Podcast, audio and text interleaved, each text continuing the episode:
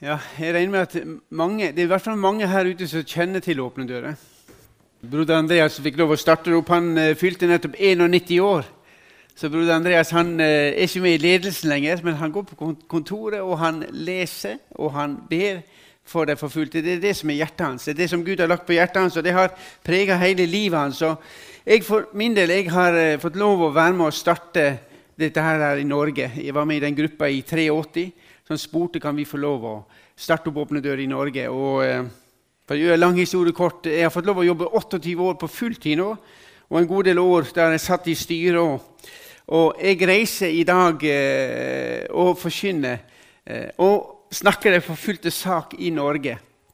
Og jeg, får, jeg, er så heldig at jeg får lov å reise ut. Og jeg var nettopp eh, I eh, april så var jeg ute i, i Egypt. Jeg, eh, sitter på, her sitter vi på Nilen sammen med Mira, som var vår guide. Og Vi sitter nede med Luxor, nede med Kongenes dal. Og det å være der nede og høre den historien, hva som har vært den egyptiske historien, og samtidig få lov å se hvordan de kristne lever der i dag. Hvordan, de, hvordan er livet deres? Og eh, dere ser den unge jenta her, Mira, som er en utdanna guide, kristen guide, har fått et tilbud om å få lov å reise til Amerika.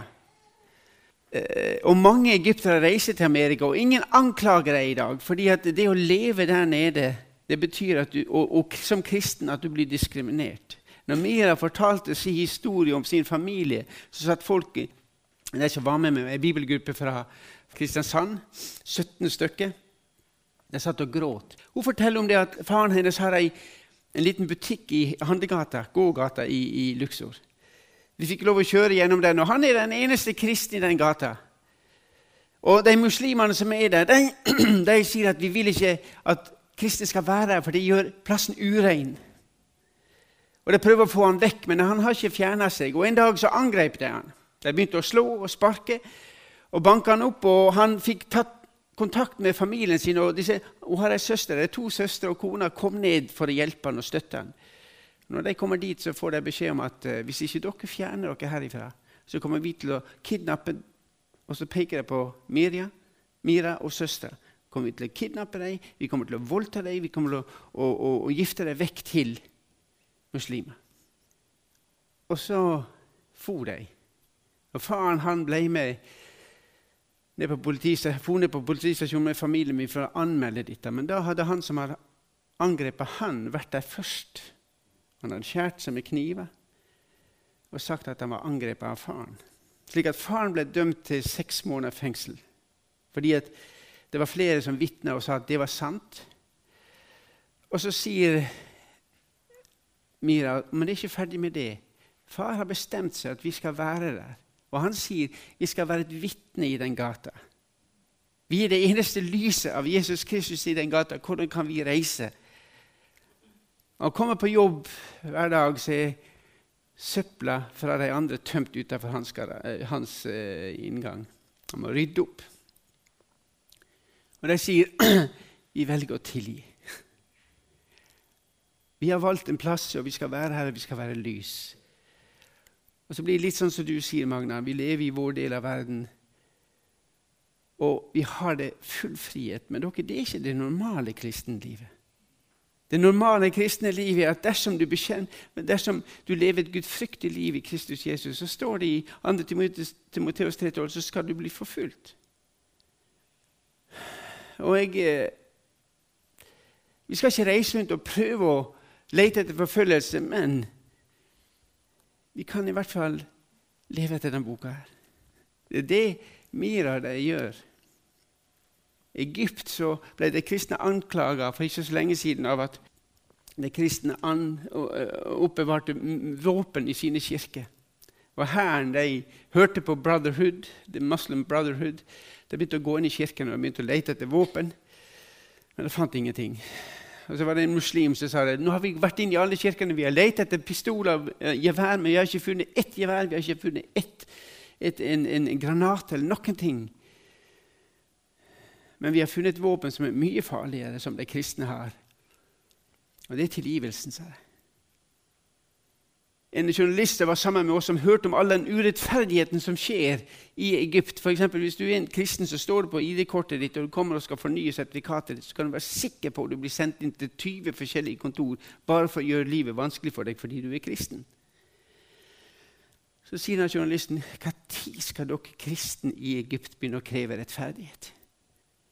For Hun ble mektig provosert når hun hørte det. Så sier disse kristenlederne med et smil så ser jeg på henne Tida er ikke inne for å kreve rettferdighet i Egypt. Hvis vi kristne så vi er ti millioner, hvis vi kristne hadde krevd rettferdighet, så hadde det vært borgerkrig her. Det er det de vil. Tida er ikke inne for å kreve rettferdighet, men tid inne for å vise kjærlighet. Og det vinner de. Vi har ikke antall på muslimer. Noen spør hvor mange kommer til tro, og de sier at dere tenker bare på tall. Mange kommer til tro. Og det vinnes gjennom kjærligheten. Og Gud han ønsker å vise Egypt nå at 'jeg elsker dere sånn som dere er'. Dere behøver ikke å forvandle andre dere, men bare tro på meg, så skal jeg forvandle dere. Egypt blir i dag brukt over hele Midtøsten som et fantastisk redskap, der de går inn og hjelper kirka over hele Midtøsten. Det som nå skjer i Egypt, er helt spesielt. Så fortsett å be for Egypt. For Mira og disse unge som sier at vi velger å stå. Vi skal være et lys her. I dag har jeg fått beskjed om å snakke om, om, bønn. Det ble spurt kan du snakke om bønn, Ole. Kanskje det blir litt på en annen måte enn dere hadde tenkt. Jeg kommer, ikke til å, jeg kommer til å bruke mye bibelvers, men jeg har lyst til å begynne med ei lita jente som er beskrevet i det bladet vårt som India nå i juni. Han som leder arbeidet vårt der nede. Vi ligger helt under radaren i India. Vi heter ikke Open Doors. India er situasjonen slik nå at Compassion, som er en, en kristen organisasjon som er inne i India, som har drevet barnehjem for 145 000 unger, de ble kasta ut av India. Flere store organisasjoner står nå i fare for å bli kasta ut fordi de ønsker ingen som skal forkynne evangeliet. der Og Samtidig har India betydd enormt mye for evangeliets utbredning i hele Midtøsten. Han Lederen vår han beskriver noe i bladet vårt. Han, han, skriver som så Jeg befinner meg på et lite sykehus sammen med en sørgende familie. I sengen ligger en jente i begynnelsen av tenårene. Hun har blitt voldtatt fordi hun er en troende og kommer fra en kristen familie. Tankene mine leter etter de riktige ordene. Jeg ønsker å si at alt vil bli bedre, og at de vil komme seg gjennom dette, og at Gud er en kjærlig Gud. Men det føles som hvert ord, eneste ord jeg sier, bare faller til, til gulvet. Hun har ikke sagt et ord siden det skjedde, forteller mor. Hun har en sånn vakker stemme. Hun har alltid ønsket å synge. Kan du synge for oss? Kan du synge for Jesus? spør jeg henne. Men hun vender, seg, vender seg bare bort og blir liggende med ansiktet mot veggen. Når du hører sånne ting, så rører det med deg. Og så tenker du hvordan kan det skje? Jesus sa til sine disipler at når de forfølger dere Han sa ikke at hvis. Men det å få lov å være der inne og få lov å høre vitnesbyrdet, at vi ønsker å være der. Og, og, hvorfor ønsker vi å være Vi ønsker å tjene disse som blir forfulgt. Den lille jenta der skal få lov å erfare at det er noe som husker på henne. Etter samtalen så går det en liten stund, og han skal gå. Så skriver han senere ansiktet til den unge jenta var fremdeles vendt mot veggen. Jeg skulle til å gi opp, ta farvel med familien og forlate rommet, da jeg plutselig hørte en myk stemme. Jenta sang, ikke til familien, men til meg. Men til Jesus. Og ordene hun sang, var disse. Jesus, la ditt navn bli fortsatt bli æret gjennom mitt liv. La mitt liv være til glede for deg. Du er enestående. Jeg vil følge ditt eksempel. Jeg vil synge om deg hele mitt liv. Hun merker at Jesus har ikke forlatt henne på tross av det som har skjedd. Og hun ønsker å være Jesus. Og jeg tenker på Den, sang, den sangen som hun synger, det er bønn. Jeg tenkte jeg skal bruke det som en innledning til dette, til det med bønn. Hva er det Gud sier til oss om bønn. Der en Andrew Murray har sagt dette her, at Jesus lærte aldri disiplene å be. Nei, aldri disiplene å forkynne, bare å be. Det er det viktigere å vite hvordan man snakker med Gud, enn å vite hvordan en snakker med mennesker. Stemmer det i vårt liv? Vi, av og til så tenker jeg at vi har snudd opp ned på det. Vi går på Vi, vi utruster hverandre, ja. Men bønn har fått en utrolig liten plass i livet vårt. Hvis vi samles til bønn, bønnemøter der jeg går, det er det minst besøkte møtet. Jeg kommer litt mer tilbake til det, men det er det minst besøkte møtet. Men Gud lærte, Jesus lærte alle de å forkynne, bare å be. Og slik som Jesus ba når han var ute på viktige ting, så ba han alltid først. Da han skulle vegge ut disiplene sine, så ba han ei hel natt. Og Det så ut som når, Jesus møtte ting, så var han forberedt. Fordi det er en sånn Bønn er ikke bare enveistale, men bønn Gud taler til oss òg. Og jeg fant det bildet her. Og det er, ikke, det er litt humor i det, men samtidig så er det utrolig mye sannhet i det. Det livet vi lever, er så travelt, er så fylt av TV, er så fylt av radio, er så fylt av ting som skjer. Og Jeg må bare ærlig innrømme det at når jeg sitter og skal jobbe med bibeltimer, så går det mange mange timer før jeg begynner å skrive, før jeg begynner å få noe ned på papir. Og hvorfor det? Jo, for det går mange timer før det slutter å svive her oppe, sånn, sånn at jeg hører Guds stemme. Og Noen sier når jeg leser når jeg er stille, så, så hører jeg ingenting. Nei, fordi situasjonen vår er egentlig sann. Det vi hører, er det som siver her oppe, og det tar timevis før det klarer å bli så stille at vi kan høre Guds stemme. For min del så erfarer jeg det at vi lever et liv der vi trenger å bli lært å be. Vi har så mye ord, og det er viktigere å vite hvordan vi snakker med Gud, enn å vite hvordan vi snakker med mennesker. Og det høres litt rart ut, kanskje. Og jeg tenker på sånn, sånn, ja, men Vi må jo lære å evangelisere. ikke sant? Vi må jo lære å forkynne. og Det, går, det, det, det er skrevet mange bøker på det. og Jeg husker da jeg oppdaga det at Den hellige ånds gjerning er å overbevise verden om synd og vise veien til Jesus. Og Da begynte jeg å slappe av. Fordi at Egentlig behøver ikke vi å evangelisere, vi behøver ikke å forkynne. Det Vi må gjøre, vi må, vi må fortelle hvem Jesus er for oss. Og Hvis Jesus ikke er stor for oss, har vi ingenting å si. Og Vi lever i en tid der vi er veldig flaue av Jesus. Martin Cave, da han, da, I 2010 så ble Martin Cave og Imi kirke angrepet voldsomt fordi de sto opp med kinoen og, og ba for folk. Med unge folk. jeg fikk kjempekritikk. og Jeg husker jeg var i, i, forsamlingsleder inne i Salem på det året. og møtte, eh, og Vi samles alle forkynnerne eller lederne for forsamlingen i Stavanger. og jeg, reiste meg opp og sa til Martin jeg må be om tilgivelse. Ja, for hva da, sa han. Fordi at ikke vi har støtta deg med alle den avisskrivinga. Vi som er pastorer, vi burde støtta deg, men vi tider stille. Og så sier Martin, vet du hva, sa han. Da jeg begynte med å stå der oppe, Første gangen jeg sto der oppe på plassen, så var jeg så flau Jesus. Folk tenkte sikkert om meg nå kommer han Per Kåte, forkynneren, og skal ha publisitet. Andre gangen jeg sto der, så var jeg fortsatt flau, men ikke så mye som første gang. Og Tredje gangen var jeg fortsatt flau, men ikke, det var litt mindre. Og fjerde gangen så gikk det opp for meg at jeg står her og representerer Jesus. Kongenes konge. Og jeg har et mektig budskap, og flauheten forsvant. Og dere, jeg, jeg tror Gud må tale til oss, slik at vi må få lov å se. Og vi må tørre å gå inn i situasjoner slik at vi får vite hvem er vi Hvem er vi? Johannes 15, 20 er et av de versene som jeg snakker mye om, og får beskjed om av og til at du må ikke snakke så mye om det verset. Hvis dere blir i meg, og mine ord blir i dere, så be om hva dere vil, og dere skal få det. Og En som sa Ole, du kan jo ikke reise rundt i Norge og forkynne det verset. For hva vil ikke folk begynne å be om? Hva vil ikke folk begynne å be om? Og Jeg kommer over på det som Jesus sier i Johannes 8, 31.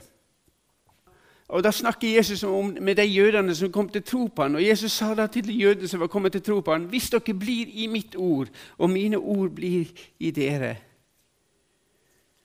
er dere virkelig mine disipler, og dere skal kjenne sannheten, og sannheten skal sette dere fri. Og, og jødene de begynte med en gang. Fri? Vi er da fri, vi er ikke slaver. Vi er sønner av Abraham og Isak.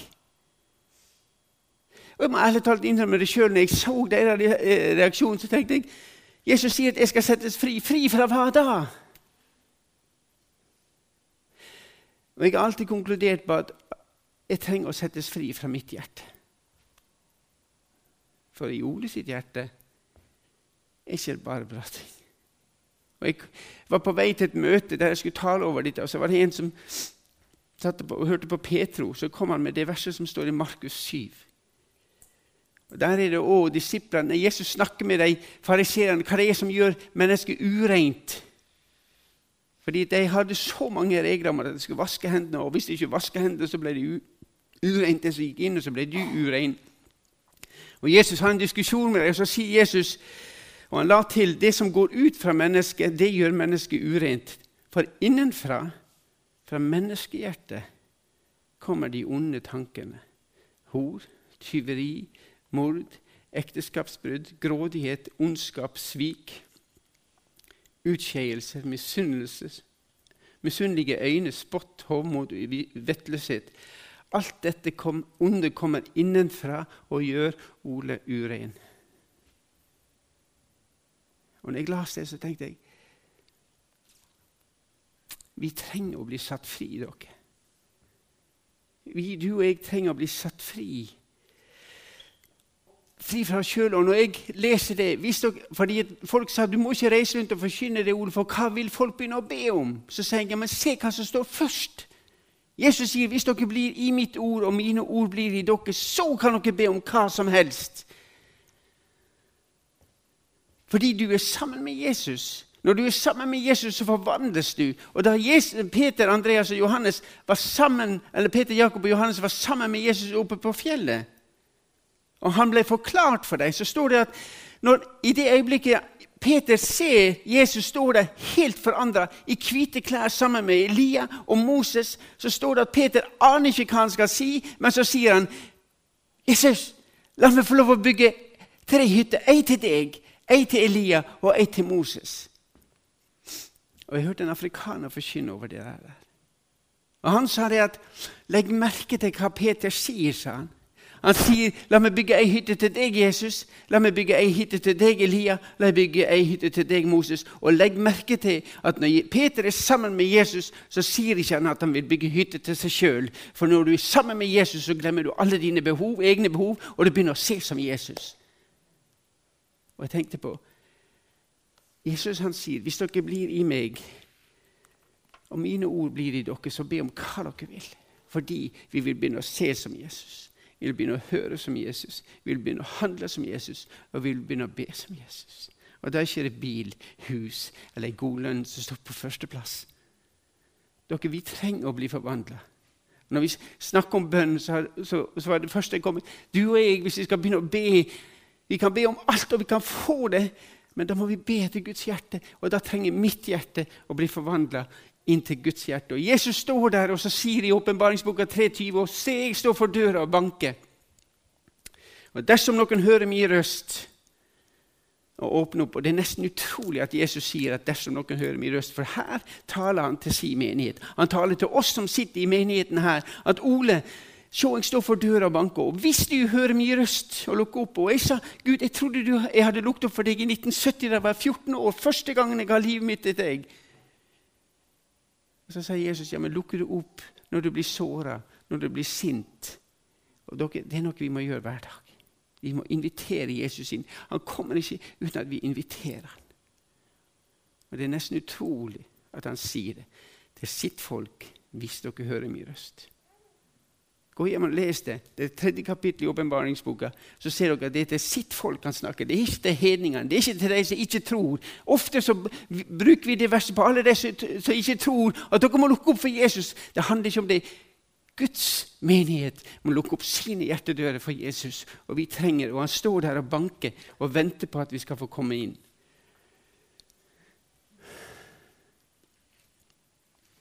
Er dere klar til kamp? Det er en som har sagt at De fleste menigheter tenker at medlemmene først og fremst samles for at de skal ta seg av hverandre og bygge, oppbygge hverandre. De innser ikke at Gud styrer verden gjennom bønnene som Hans hellige ber, og at bønn er den kraft som Satan blir beseiret med. De innser heller ikke at det er gjennom bønn at menigheten på jorden har tilgang til kraften fra det himmelske verden. Andrew Murray har skrevet og det. Det er slik at Når du ser dette, så tenker du du må lese det mange ganger, men det er så stor sannhet, og alt er basert på det som står i Guds ord. At dere, vi har fått Gjennom bønn så har vi fått en enorm gave, men en enorm oppgave. Og de som reiser ut som misjonærer og dere, Det hjelper det hjelper å bli bedt for. Jeg husker når jeg mista kona mi i 2008. Noen kom til meg og, og sa når Berit var død, at Ole, du må være fullstendig knust. Du må være helt utslitt. Du har holdt på i fire måneder, du har vært sammen med henne hver dag, du har vært på sykehuset, du har stelt henne. Og jeg sto der og smilte og sa vet dere hva, jeg er ikke sliten. Og jeg tror det var så kolossalt mange som ba for oss. Og når folk er syke, og Gud minner deg om be for deg, det trenger det, og Gud, og Gud, det, det, Gud har gjort seg på en måte avhengig av oss. Gud kunne ha gjort alt dette sjøl. Gud kunne ha gjort ordna hele greia i verden, men han inviterer deg og meg med fordi at du og jeg skal få lov å se at Gud er en levende Gud. Han ønsker at du og jeg som sitter på Bryne her i en god, trygg menighet, skal få lov å erfare at han er en levende Gud. At han kan gripe inn, at han kan forandre situasjoner. Jeg tror dere har opplevd det her òg. At Gud han er reell, og han hører bønn. Andre kor ti beskriver òg hva Paulus sier om seg som kristen, som anser seg som Han sier for, for vel går vi frem på menneskelig vis. Det betyr vi er mennesker. Ja, vi er det. Vi erkjenner vi er bare mennesker her nede. Men vi kjemper ikke med menneskelige midler. For våre våpen er ikke fra mennesker, men de har sin kraft fra Gud og kan legge festninger i grus. Vi river ned tankebygninger og alt stort og stolt som reiser seg mot kunnskapen om Gud, og vi tar hver tanke til fange under lydigheten mot Kristus. Dere, som kristne så er vi født til å ta opp denne kampen. her. Som kristne så er du og jeg soldater. Vi er medlem i Guds motstandshær, som er engasjert i en åndelig krig. For du og jeg tilhører ikke denne jorda her.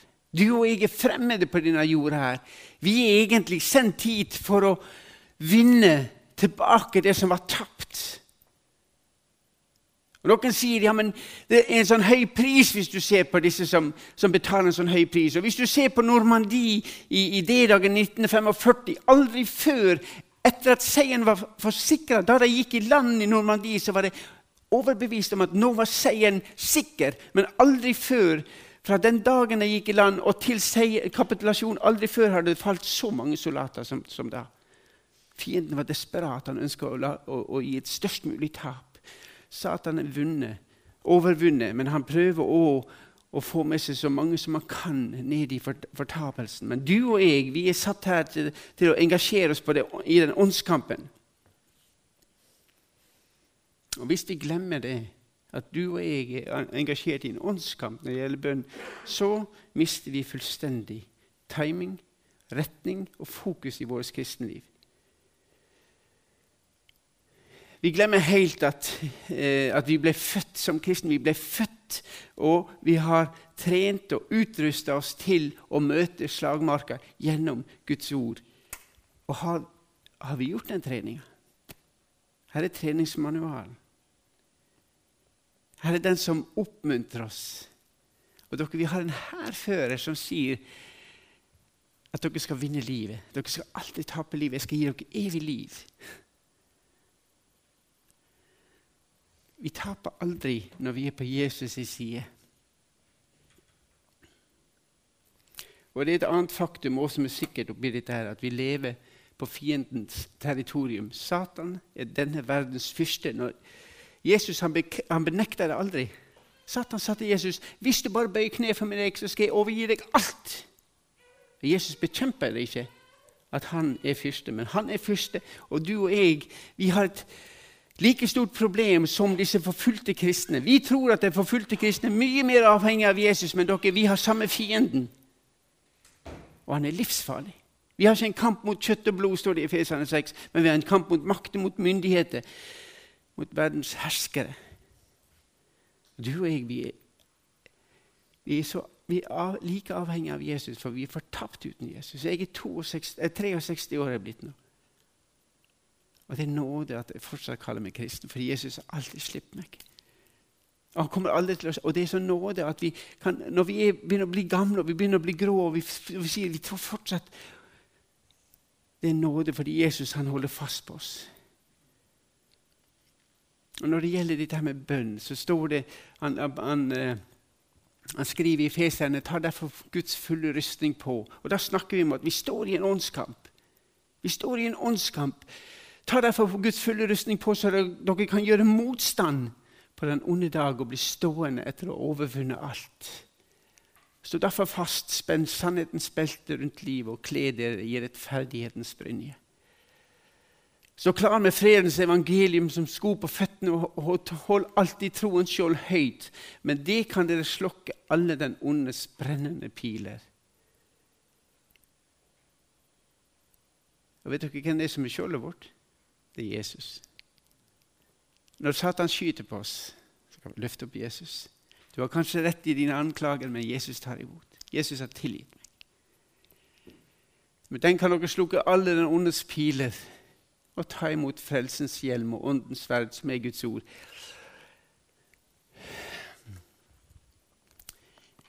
Åndens sverd, som er Guds ord. Og dere, vi trenger å bli forvandla, du og jeg.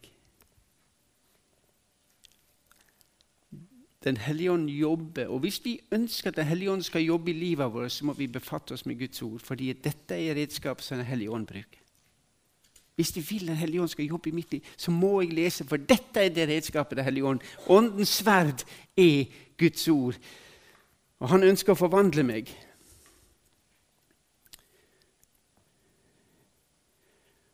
Og vi står her i Guds fulle rustning. Da er vi i stand til å ta imot en ondes listige angrep. Og dere, vi blir angrepet. Vi blir angrepet, du og jeg. Og Jeg pleier å si at Satan har, tre, Satan har to strategier. Den første finner vi i, i Første Mosebok, der Satan sier 'Har Gud virkelig sagt?' Og Så kommer han med løgn at dere ikke skal spise noe tre i hagen. Og Eva hun svarer nei, det er ikke sant. Vi kan spise av alle trær unntatt ett. Men så forfører han henne. Og forførelsen vi lever i den frie verden under forførelsen. Og Jeg pleier også å si at der forførelsen ikke fører frem, kommer forfølgelsen. Men der forførelsen fører frem, vil ikke forfølgelsen komme. Og Forførelsen er et mye farligere angrepsvåpen fra Satan enn forfølgelsen. For forfølgelsen, Der forfølgelse er, der går Guds rike frem. Der forførelsen er, er det veldig stille.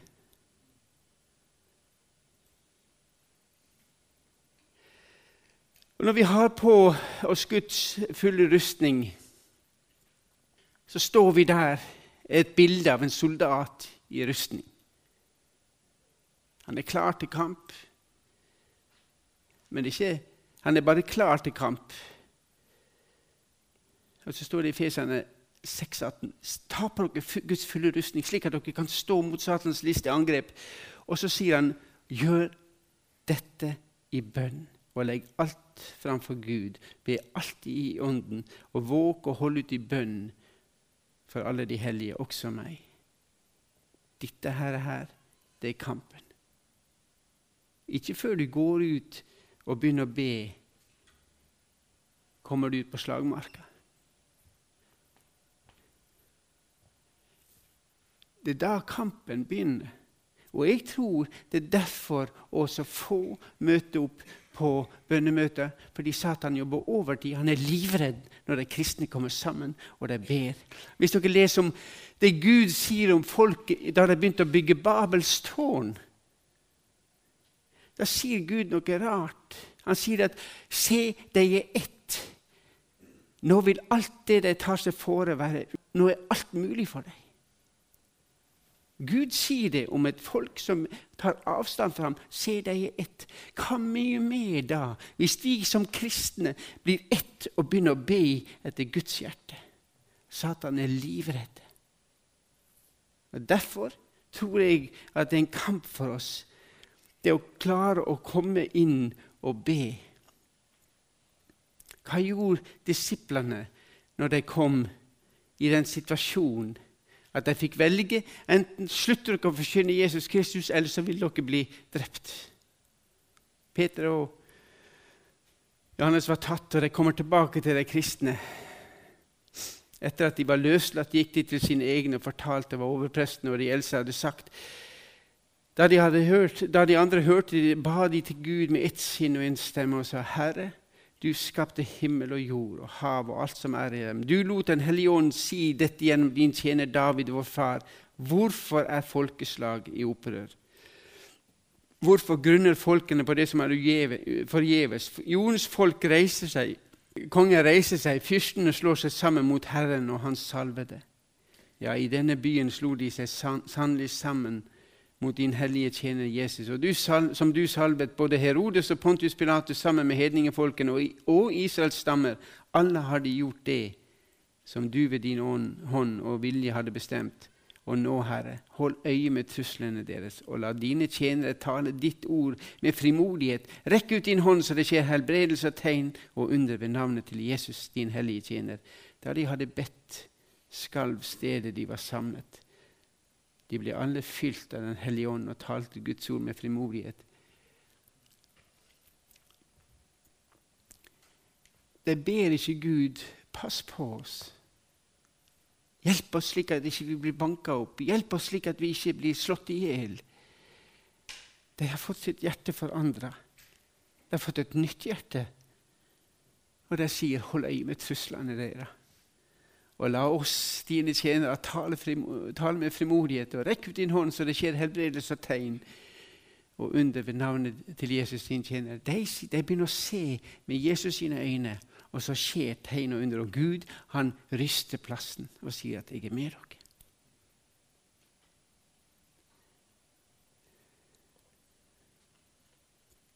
Fire så vær da lydig mot Gud, men stå djevelen imot så skal han flykte for det, står det.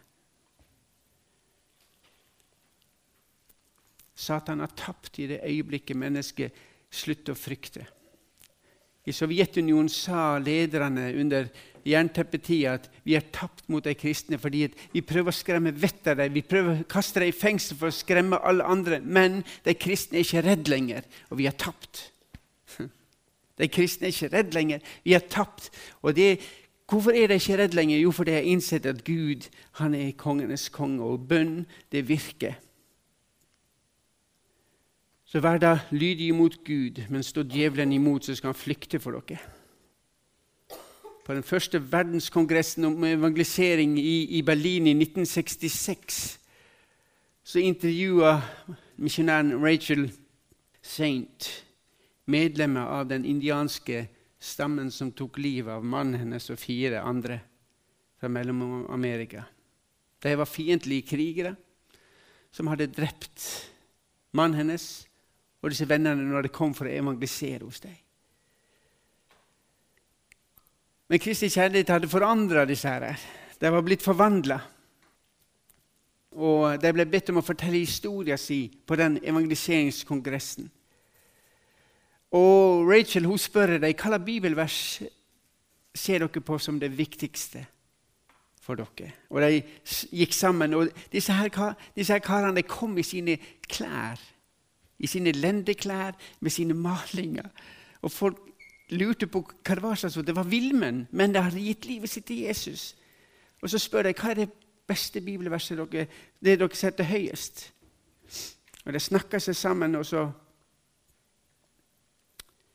så var det, var det en som kom bort til mikrofonen så sier han smilende Det verset vi setter høyest, det er 'Djevel, jeg befarer deg, far ut av han, og kom aldri mer tilbake'. Det er beskrivninga av Jesus sine ord til den demonbesatte gutten i Matteus 9. Og Disse krigerne de hadde levd under Satans herredømme i lang tid, men nå har de oppdaga at i Jesus Kristus så kan vi beordre han. Far ut av han. Du har ingen makt over han. Og dere, Vi lever i en verden der mange mennesker er i Satans sitt grep. Og vi, vi kan kjempe mot det. Kampen for fortapte sjeler vinnes gjennom bønn og forbønn. Bønn er krigføringa. Evangeliseringa er ikke et forsøk på å vinne kampen. Det er opprydninga etter kamphandlingene. Kirka sin fysiske eiendeler, bygninger, organisasjon og programmet er lastebilene som vi kjører inn på slagmarka for å laste og hente det seiersbyttet som vi vant gjennom forbønn. Og når de sier det, så de har rett. Det er å drive evangelisering. Vi tror det er å høste inn det. Jeg glemmer aldri jeg var på et møte med Nils Kåre Strøm. Jeg ble spurt om å stå sammen med ham for en god del år siden. og så var det noen på, Da bodde jeg på Tonstad. Det var møte på Tonstad. Det, det var mange som kom og ga livet sitt til Jesus. Og Det var noen som kom til meg og så sa er ikke det stort ord å få lov å være med og vinne folk. Og så så jeg på det og så sa jeg, vet du hva? Det som, det som er beskrevet her, vi bare samler inn det som er vunnet på i forbund. Det er så mange som har bedt for disse her. Det jeg får lov å gjøre, det er bare å hanke deg inn. Men det er vunnet for Jesus ved at folk har bedt i mange mange år. Det var folk som hadde, hadde, var bønnemennesker fra, fra de var små. Var bønnebarn fra de var små, og så ga de livet sitt til Jesus. Og Det er bare å hente inn krigsbytte, for vi har vunnet dem for Jesus gjennom bønn. Gud Glem aldri den kjensgjerninga at vi deler Guds kjærlighet med mennesker som er Satans gisler i en verden under hans kontroll. Bønn er middelet som, som vi befrir disse gislene med. Tenker du på det? At når du går i bønn, at du kan være med å sette din nabo i frihet? At du kan være med og sette de muslimene som kom til Norge, i frihet? og la det få komme inn i en helt ny verden. Du og jeg er kalt til å være med på dette. Det er en som har sagt 'sving ordet', bruk Guds ord. Og Moses han brukte Guds eget ord når han ba for israelittene etter gullkalven. Han, sa, han proklamerte det som Gud hadde sagt. Husk på Abraham og Isak og Israel, dine tjenere, for du, dem sverga du ved deg sjøl og sa jeg skal gjøre deres slekt tallrik som stjernene på himmelen. Og hele dette landet som jeg har talt om, gir jeg deres slekt, og de skal eie det til evig tid. Det har du sagt, Gud, og nå ønsker du å utrydde deg. Dette skjer etter gullkalven. Og nå kommer han med et tilbud til Moses. Jeg skal, la meg få lov å utrydde deg, og så kan du eh, bygge på nytt gjennom deg. Og Moses han sier, 'Du har sagt, Gud'. Og Det å kjenne Guds ord og det minner Gud om hva han har sagt. Og Gud snur. Gud snur. Ok, det skal være mitt folk. Corrie ten Boom, som levde under krigen. Hun og familien fikk redde mange, mange jøder. Men det ble tatt. Mor og far til Corrie døde. Søstera døde. Og Corrie overlever og blir en, eh, en evangelist som reiser på verdensbasis. Hun og broder Andreas reiste mye sammen. Men hun hadde et bønneliv der hun brukte Guds ord. Og det var å være på bønnemøter med Corrie det var smittsomt, sa broder Andreas. Hun, var en hun ville blitt en fantastisk advokat, for hun Hun tok Bibelen sin på bønnemøter så begynte å gå, og så bladde hun til hun fant det som hun mente at hun skulle løfte frem. Den teksten som løfta frem det hun ba for. Og Så løfta hun teksten opp, Gud, opp, opp fremfor Gud, og så sier hun og pekte på verset, så sier hun, 'Du har sagt det. Se her, Gud. Les det sjøl, da. Du har sagt.' Og så peker hun på Guds ord. Du har sagt Guds Og det er en måte å be på, å bruke Guds ord. Salmene er fantastiske å bruke. Men med Corrie så var det også slik at når, når, når, det da skjedde det hun ba om, og mye av det skjedde, så, så, så ser du Jeg visste det! Jeg visste at han ville gjøre det! Fordi det står i Guds ord. En tillit til Guds ord. Og dere, La oss å bruke Guds ord. Oss, derfor er det viktig at vi kjenner Guds ord. Og jeg tror kampen står i dag. Hvis vi ikke kjenner Guds ord, så vil også vårt bønneliv være deretter. Det å lese Guds ord fra perm til perm en gang i året det er det minste vi kan gjøre. Og så kan vi ha bibelstudie ved siden av. Jeg glemmer aldri det var en ung gutt som jeg utfordra i menighet. Dere må, burde lese Bibelen fra perm til perm. Det tar ca. 15 minutter hver dag. Hvis du leser 15 minutter hver dag, så leser du Bibelen fra perm til perm. Og folk sier det stemmer ikke. Jo, det stemmer. Vanlig lesehastighet 15 minutter, mindre enn 1% av 24 timer. Hvis du bruker 1% av døgnet ditt, så leser du Bibelen gjennom fra perm til perm. Og en dag så ringte denne karen her til meg så sier han, 'Hei, Ole.' Hallo. Nå er det akkurat ett år siden du har vært hos oss og talt hos oss. Eh, ja, det vet jeg ikke. Jo, det stemmer akkurat, sa han. Fordi du var hos oss, og du utfordra meg, og jeg begynte den dagen, og i dag er det akkurat gått et år. Jeg har lest Bibelen fra perm til perm, og det er sant, sa han. Og jeg kommer til å fortsette å gjøre det for Gud. For jeg trenger å bli forvandla gjennom Guds ord. Satan jobber overtid med at vi ikke skal gjøre det. Vi har, vi har forkynnerne våre. Vi, har, vi går, eller lever vi livet vårt slik at vi, vi, vi går på gudstjeneste på, på, på, søndag, og så sultefôres vi til neste søndag, slik at vi overlever? Jeg pleier også å si at Gud, gudstjenesten min, når jeg var forsamlingsleder, så sa jeg gudstjenesten min varte fra, fra klokka 11 til halv ett. Men så pekte jeg på forsamlingen, men deres gudstjeneste var fra halv ett til neste søndag klokka 11. For dere skal gå ut. Er dere som skal gå ut. Er dere som når dem.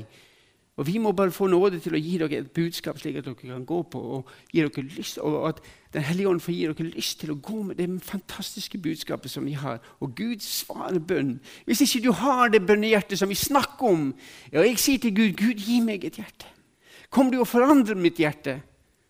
Jeg trenger å bli forvandla fordi at mitt problem kommer innenfra. De kommer ikke med det andre rundt meg, men mitt store problem er mitt hjerte. Og jeg inviterer deg inn, Jesus, hver dag. Og det trenger jeg. Det er fantastiske ord. Hvis dere blir i meg. Hvis jeg får lov å komme inn i deres liv gjennom Bibelen, gjennom fellesskapet, gjennom eh, nattverden. Og hvis dere blir i meg, hele uka, ikke bare på søndag, men hele uka, så kan dere be om hva dere vil. Fordi min Hellige Ånd vil komme inn og leve mitt liv gjennom deres liv. Og Jeg har lyst til å si det at den bønna til den unge jenta her Hun var voldtatt. Gått gjennom forferdelige ting. Men den sangen som hun synger, handler ikke om henne sjøl. Når Jesus får komme inn så handler det ikke om oss sjøl. Den bønna hun ber, det burde være en bønn som vi òg ber. Jesus, la ditt navn fortsatt bli æra gjennom mitt liv. La mitt liv være til glede for deg. Du er enestående, og jeg vil følge ditt eksempel. Jeg vil synge for deg hele mitt liv. Jesus, jeg ber for den unge jenta som vi har hørt om. Det er forferdelige ting som har skjedd med henne. Du ser familien. Men Jesus, vi vet at du kan komme inn, og du kan skape noe godt av det forferdelige. Forfølgelsen kommer ikke fra deg, far, men det er en pris å betale på den jord som vi lever. Og vi ber for denne jenta her. La hennes liv få lov å bli til de ære. Takk, Gud, for det vitnesbyrdet som hun har. Gud, la det få lov å bli et mektig vitnesbyrd i hennes landsby. Og jeg ber deg, la det få lov å bli en vekker for meg, for oss som lever så godt som vi gjør. Hjelp oss, Herre Far, slik at vi kan bli i deg, at ditt ord får bli i oss. Og hjelp oss at vi blir mennesker som ber etter din vilje, som ber og som kan få lov å fortelle at du hører, og du svarer, fordi du er en levende Gud. Hjelp du oss, Herre Far, til å ta et steg inn på den åndelige slagmarka som bønn er. Vil du, du må gjøre noe i mitt liv, Herre Jesus. Og jeg ber for deg i forsamlinga. Jeg takker deg, far, for alt det som skjer gjennom Saron. Takk for deg som, det som skjer, og, og, og de som er kommet til tro. Må du velsigne Saron. Må du velsigne alle de som går her. Og la alle som går her, få lov å bli til velsignelse for de de treffer i løpet av uka. Gi oss en frimodighet far, til å forkynne ditt ord. Takk for at ditt rike går frem. Og vi ser der det går frem, der er det forfølgelse. Og vi ber for at ditt rike skal gå enda mer frem, og i Norge. Gir du oss en visdom, far? Gir du prestene og forsamlingspastorene visdom, far, til å kunne forkynne en kjærlig Gud og samtidig en, og, og tørre å stå på ditt ord? For ditt ord kan sette oss i frihet. Og jeg vil si, sånn som Jesus ber, hellig oss i sannheten, for ditt ord er sannhet. Amen. Jeg, har, jeg vet ikke hvor mange av dere som har bladet vårt, men vi sender det lille bladet med den bønnekalenderen. I, i denne måneden her så er det bønn for India hele tida. Og jeg skulle jo ønske at alle dere tar det. Sett dere på den lista. Jeg skal legge den lista bak der. Skriv dere på, skal vi sende det til dere. Og jeg, som jeg pleier å si, at jeg reiser rundt i Norge ikke for å samle penger. Jeg reiser rundt i Norge for å samle forbedrere. For jeg tror det er vi som kan forandre verden. Men først må vi bli forvandla sjøl. Så har vi et forvandlende budskap å gå med. Må Gud velsigne dere.